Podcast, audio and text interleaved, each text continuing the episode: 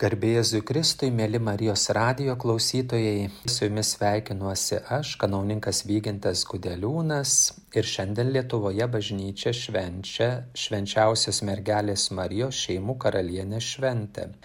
Ši šventė ypatingai yra susijusi su Žemaičių kalvarija, kadangi Žemaičių kalvarijos bazilikoje yra stebuklais garsėjantis Dievo motinos su kudikėliu Jėzumi paveikslas, kuris buvo vainikuotas 2006 metais spalio 8 dieną popiežiaus Benedikto XVI pašventintomis karūnomis.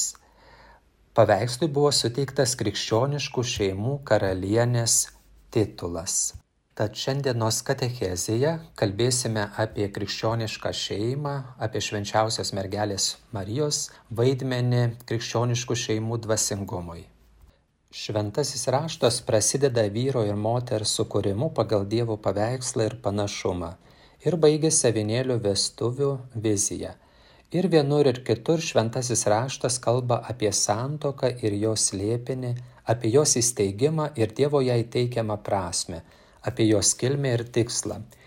Įvairius jos įgyvendinimo būdus per visą išganimo istoriją, apie nuodėmę sukeltus jos sunkumus ir jos atnaujinimą viešpatyje, naujoje Kristaus ir bažnyčios sandoroje.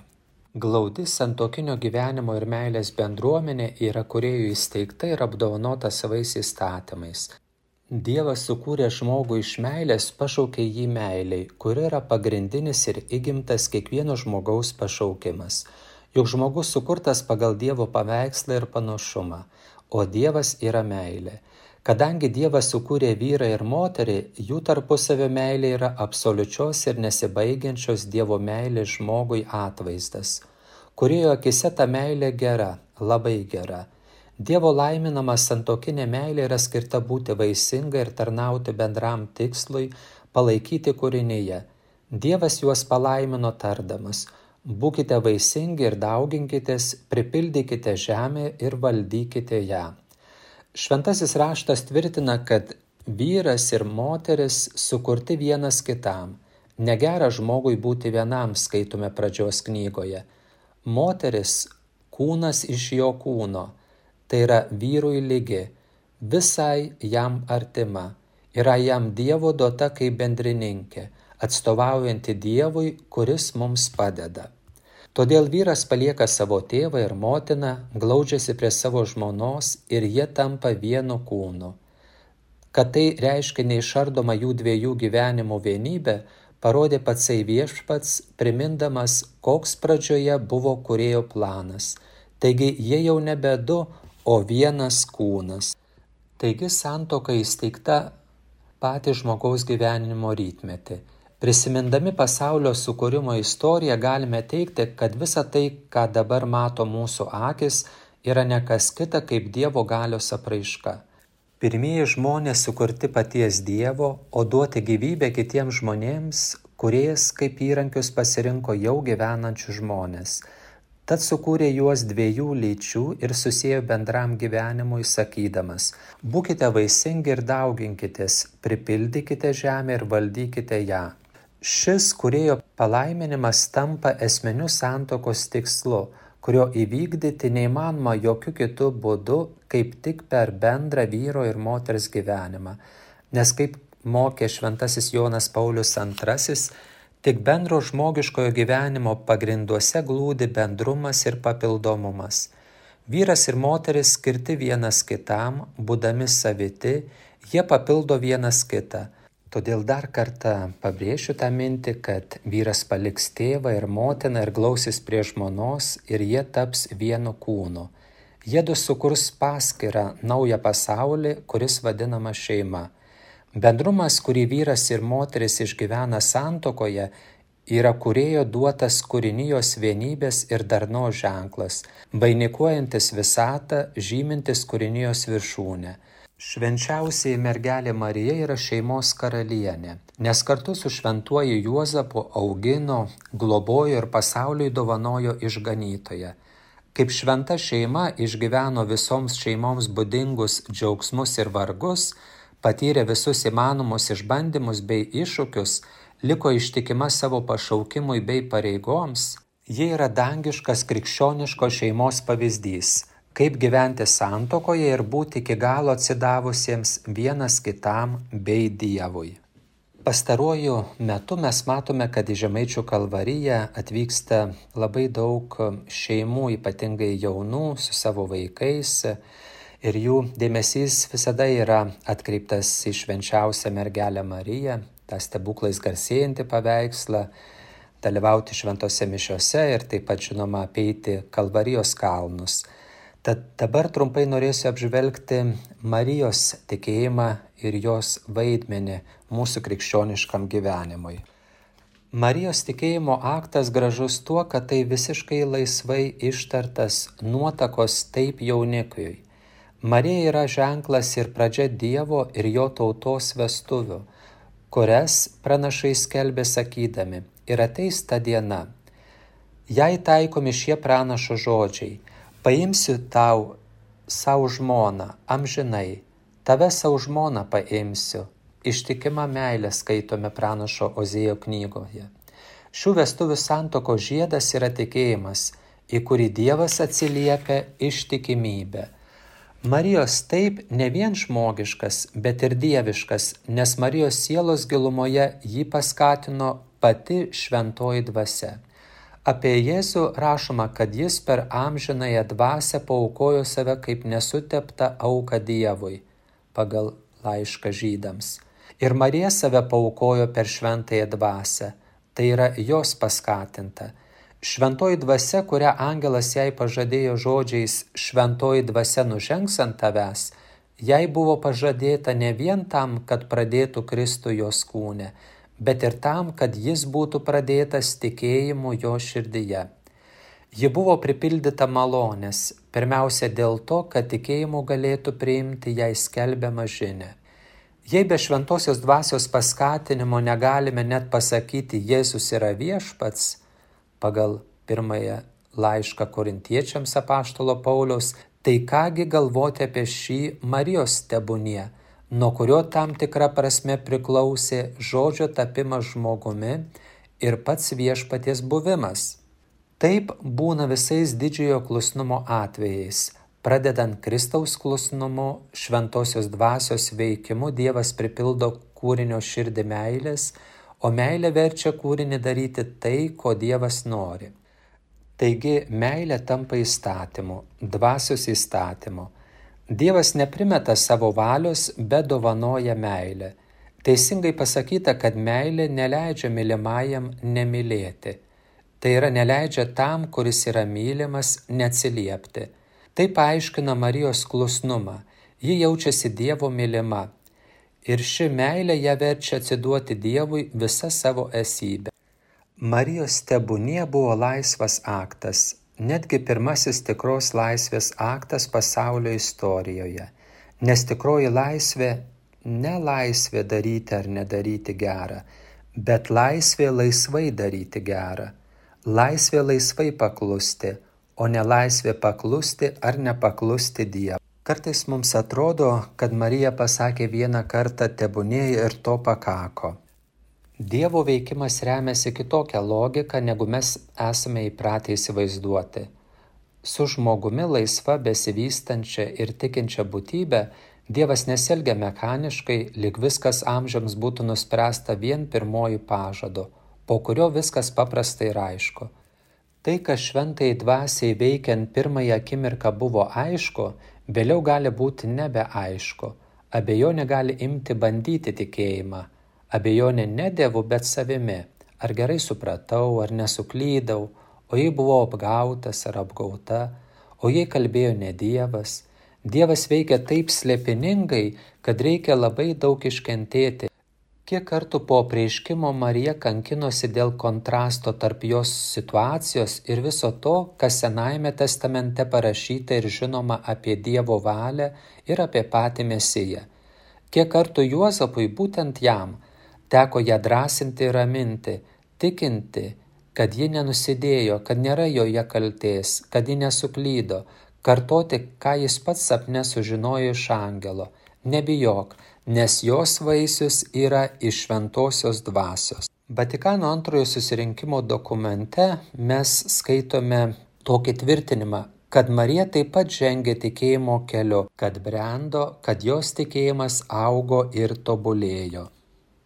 Žvelgdami į švenčiausiąją mergelę Mariją, mes galime taip pat ties panašiu tikėjimo keliu žengti į priekį mokindamiesi iš jos laikysenos, nuostatos, bendravimo su Dievu.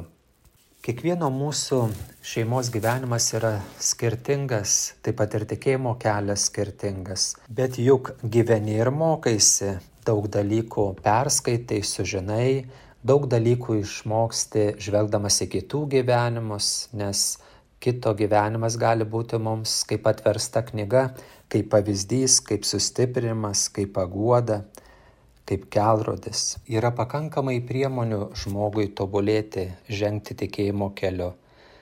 Tai apima ir žinoma šeimos gyvenimą. Tad dabar keliais aspektais pažvelgsime į sakramentų veikimo malonės veikimą šeimos gyvenime. Pirmoje vietoje pažvelkime į sakramentą, kurį gauna vyras ir moteris tuokdamiesi, tai yra santokos sakramentą. Santokos sakramentas sustiprina pašvenčiamąją malonę, kurią sutoktiniai jau gavo per krikštą ir ši malonė padės žmogiškai meiliai tobulėti ir būti išaukštintai.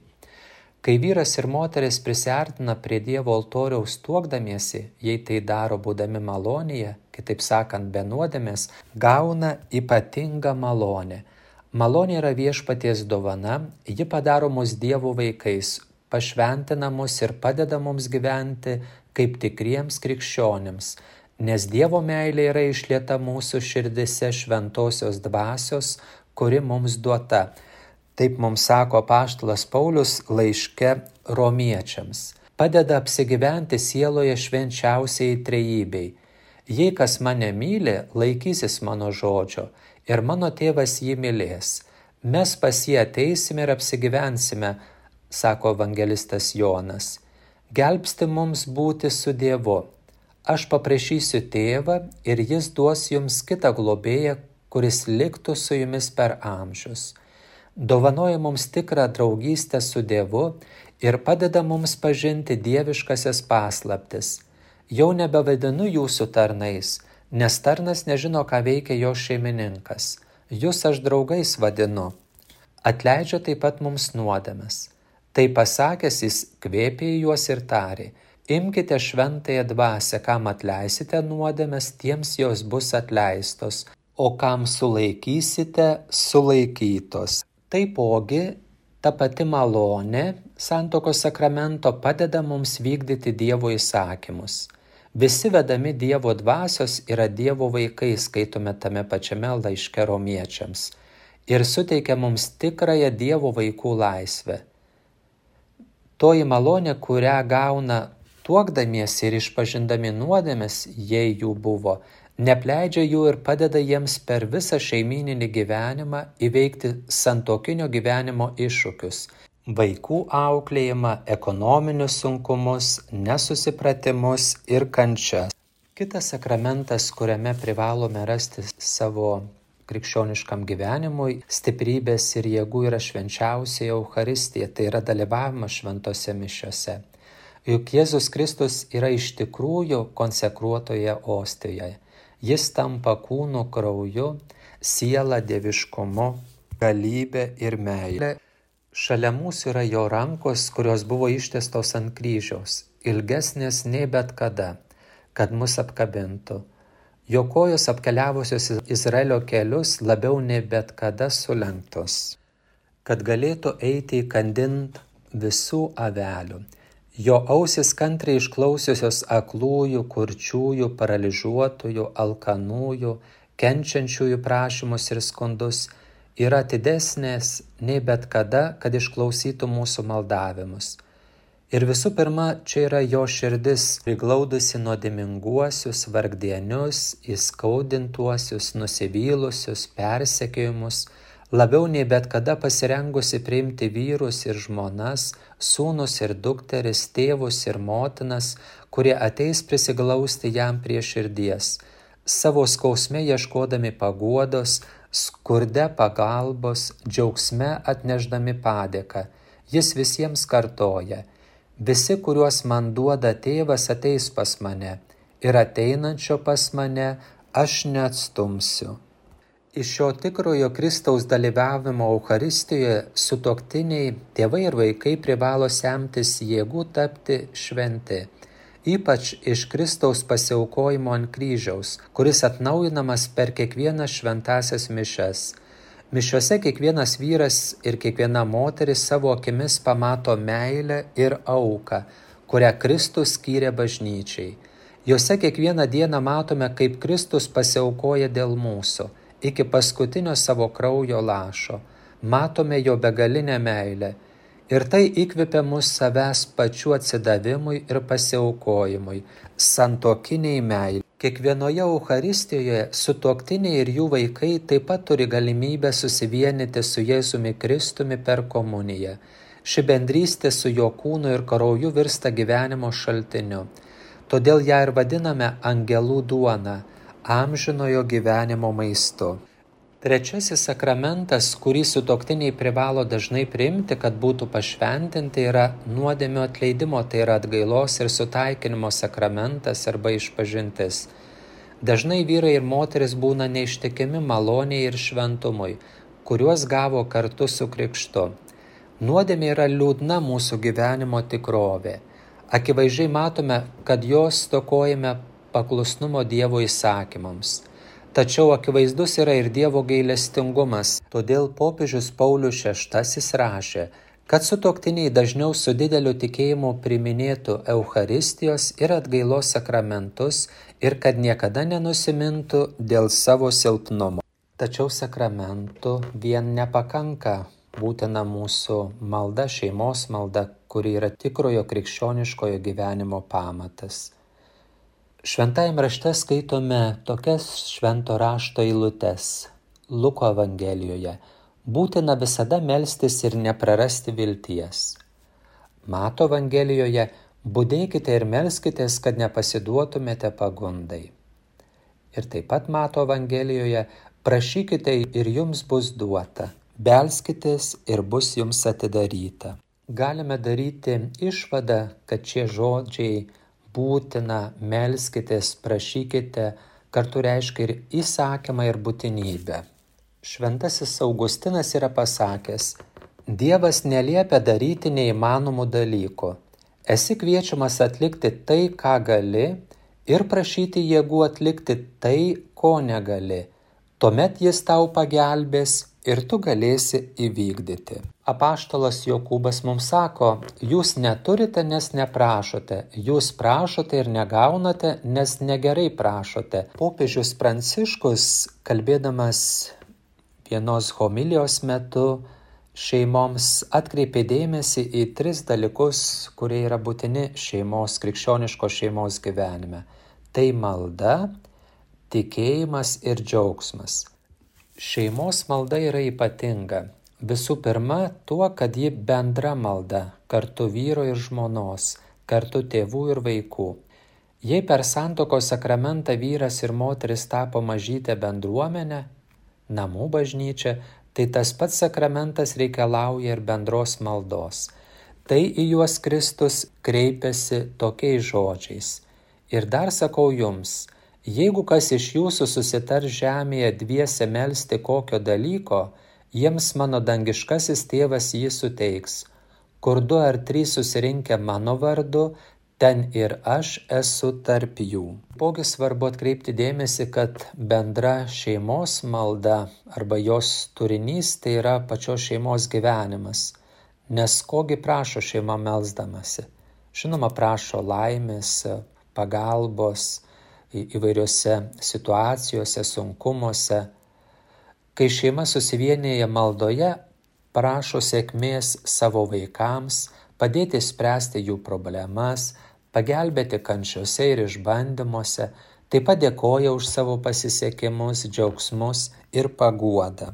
Žinoma, šeimos malda taip pat turi virsti ir liturginė malda, kuria melžiamasi kartu su visais šeimos nariais visada kai tik įmanoma, dalyvaujant šventose mišiose kartu ar rožinio maldoje, arba kaip gegužinės ar birželinės pamaldos bažnyčioje.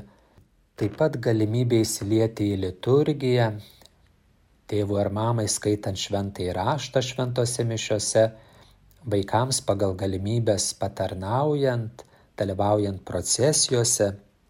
Iš tiesų vaikai turi matyti savo tėvus besimeldžiančius bažnyčioje mes galim matyti nuolat eksperimentuojant kai kuriuos dalykus, ieškoma būdų, kaip, sakytume, priartėti prie žmonių, kalbant ir apie šeimas, pavyzdžiui, įrengiant vaikams kokius žaidimo kambarėlius, kad jie netrukdytų, bet kai pastebėm Italijos praktiką, iš tiesų tai net nešė naudos atskirimas vaikų nuo tėvų.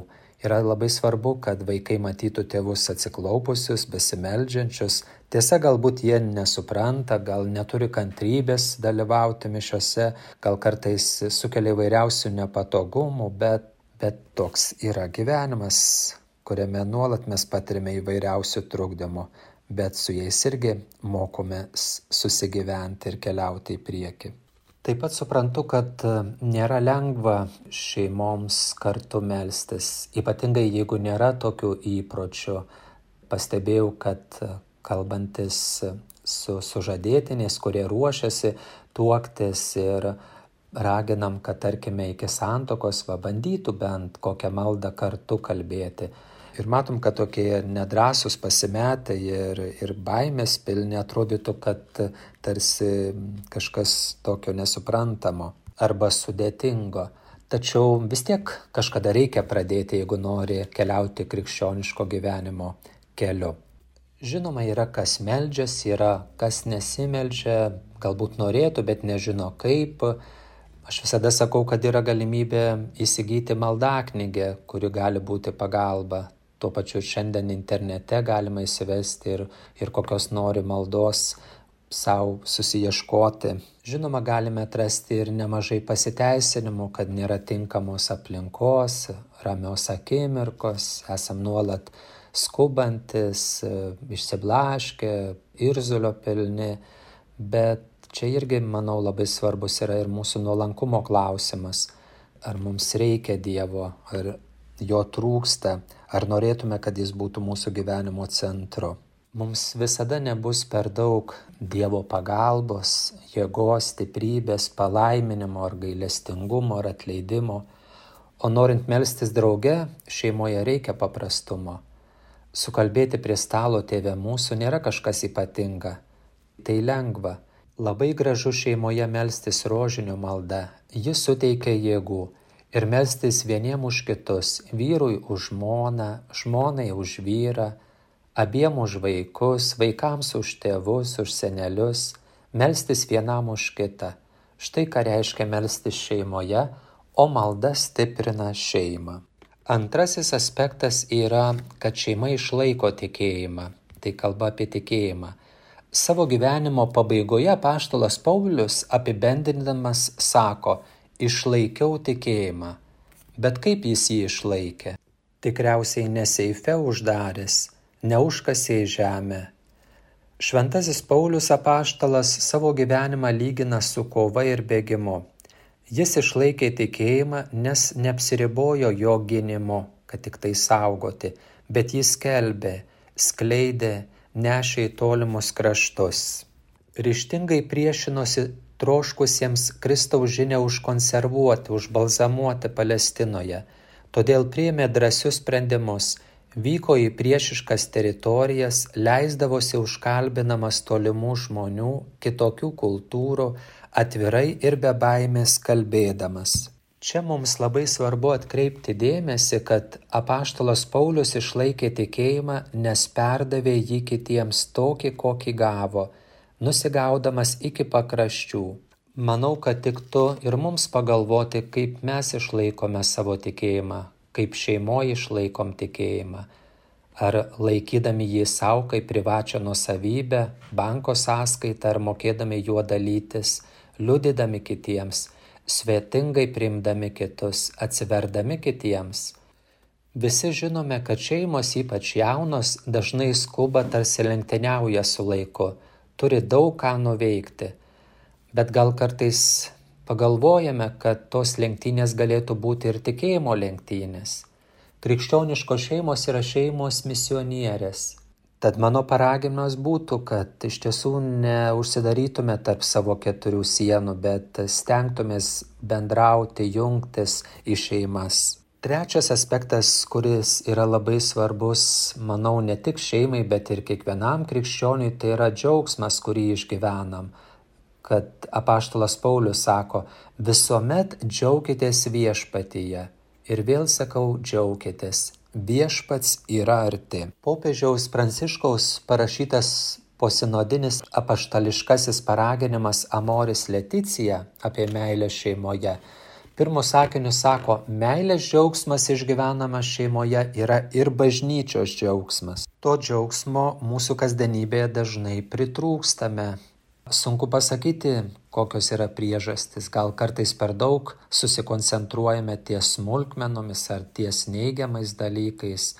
Galbūt kartais šeimoje norim kiekvieną matyti arba kitą asmenį matyti kaip save, tokį patį. Vieniems sekasi lengviau, kitiems sekasi sudėtingiau, išspręsti tuos įvairius klausimus šeimoje, bet manau, kad visada gali nugalėti tas bendras gėris, tas bendras žvilgsnis į priekį, žiūrėjimas į priekį viena kryptimi. Norėčiau pabrėžti, kad tikrasis džiaugsmas išgyvenamas šeimoje nėra paviršutiniškas. Jis nekyla iš daiktų ar palankių aplinkybių. Tikrasis džiaugsmas kyla iš žmonių tarpusavio darnos kuri visų jaučiama širdie ir leidžia mums pajusti buvimo drauge, abipusės paramos gyvenimo kelyje grožį. Tačiau šio gilaus džiaugsmo jausmo pagrindas yra Dievo artumas, Dievo buvimas šeimoje, jo priimti pasirengusi, gailestinga, pagarbi meilė visiems ir pirmiausia kantri meilė Kantrumas yra Dievo dorybė, mokanti mus šeimoje kantriai vienas kitą mylėti, būti kantriems vienas kito atžvilgio, kantri meilė. Vien Dievas moko sukurti darną tarp skirtingybių. Jei Dievo meilės nėra, šeima netenka ir darnos. Viršo paima individualizmas ir džiaugsmas užgesta. O šeima gyvenanti tikėjimo džiaugsmu spontaniškai tą džiaugsmą perteikia kitiems yra žemės druska ir pasaulio šviesa, visos visuomenės raugas. Mėly Marijos radio klausytojai, šitoje katechezėje pasidalinime kalbu apie krikščionišką šeimą, apie jos augimą, brandimą, gebėjimą išlaikyti santykių su Dievu. Ir manau, kad einant katechezė į pabaigą, labai svarbu prisiminti apaštalo Pauliaus žodžius, kurie, manau, kiekvienoje santokos sakramento ceremonijoje skaitomi.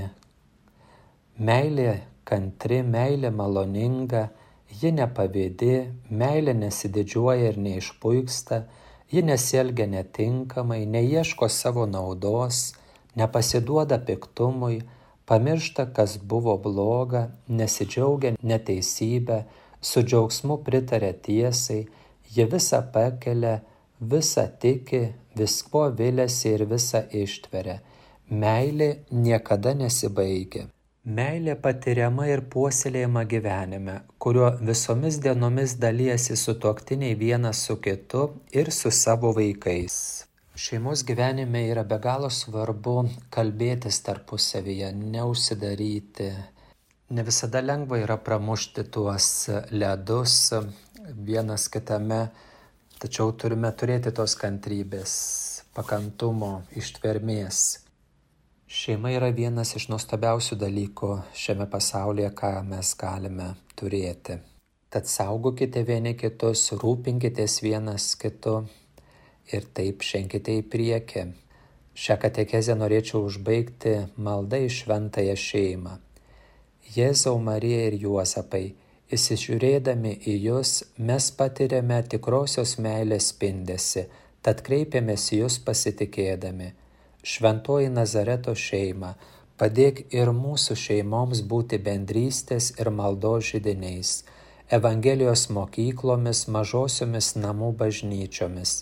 Šventoji Nazareto šeima, Niekada šeimose te nebūna smurto, susvetimėjimo ir nesantaikos, o kiekvienas sužeistas ar papiktintas kuo greičiau te sulaukia paguodos ir te pagyja.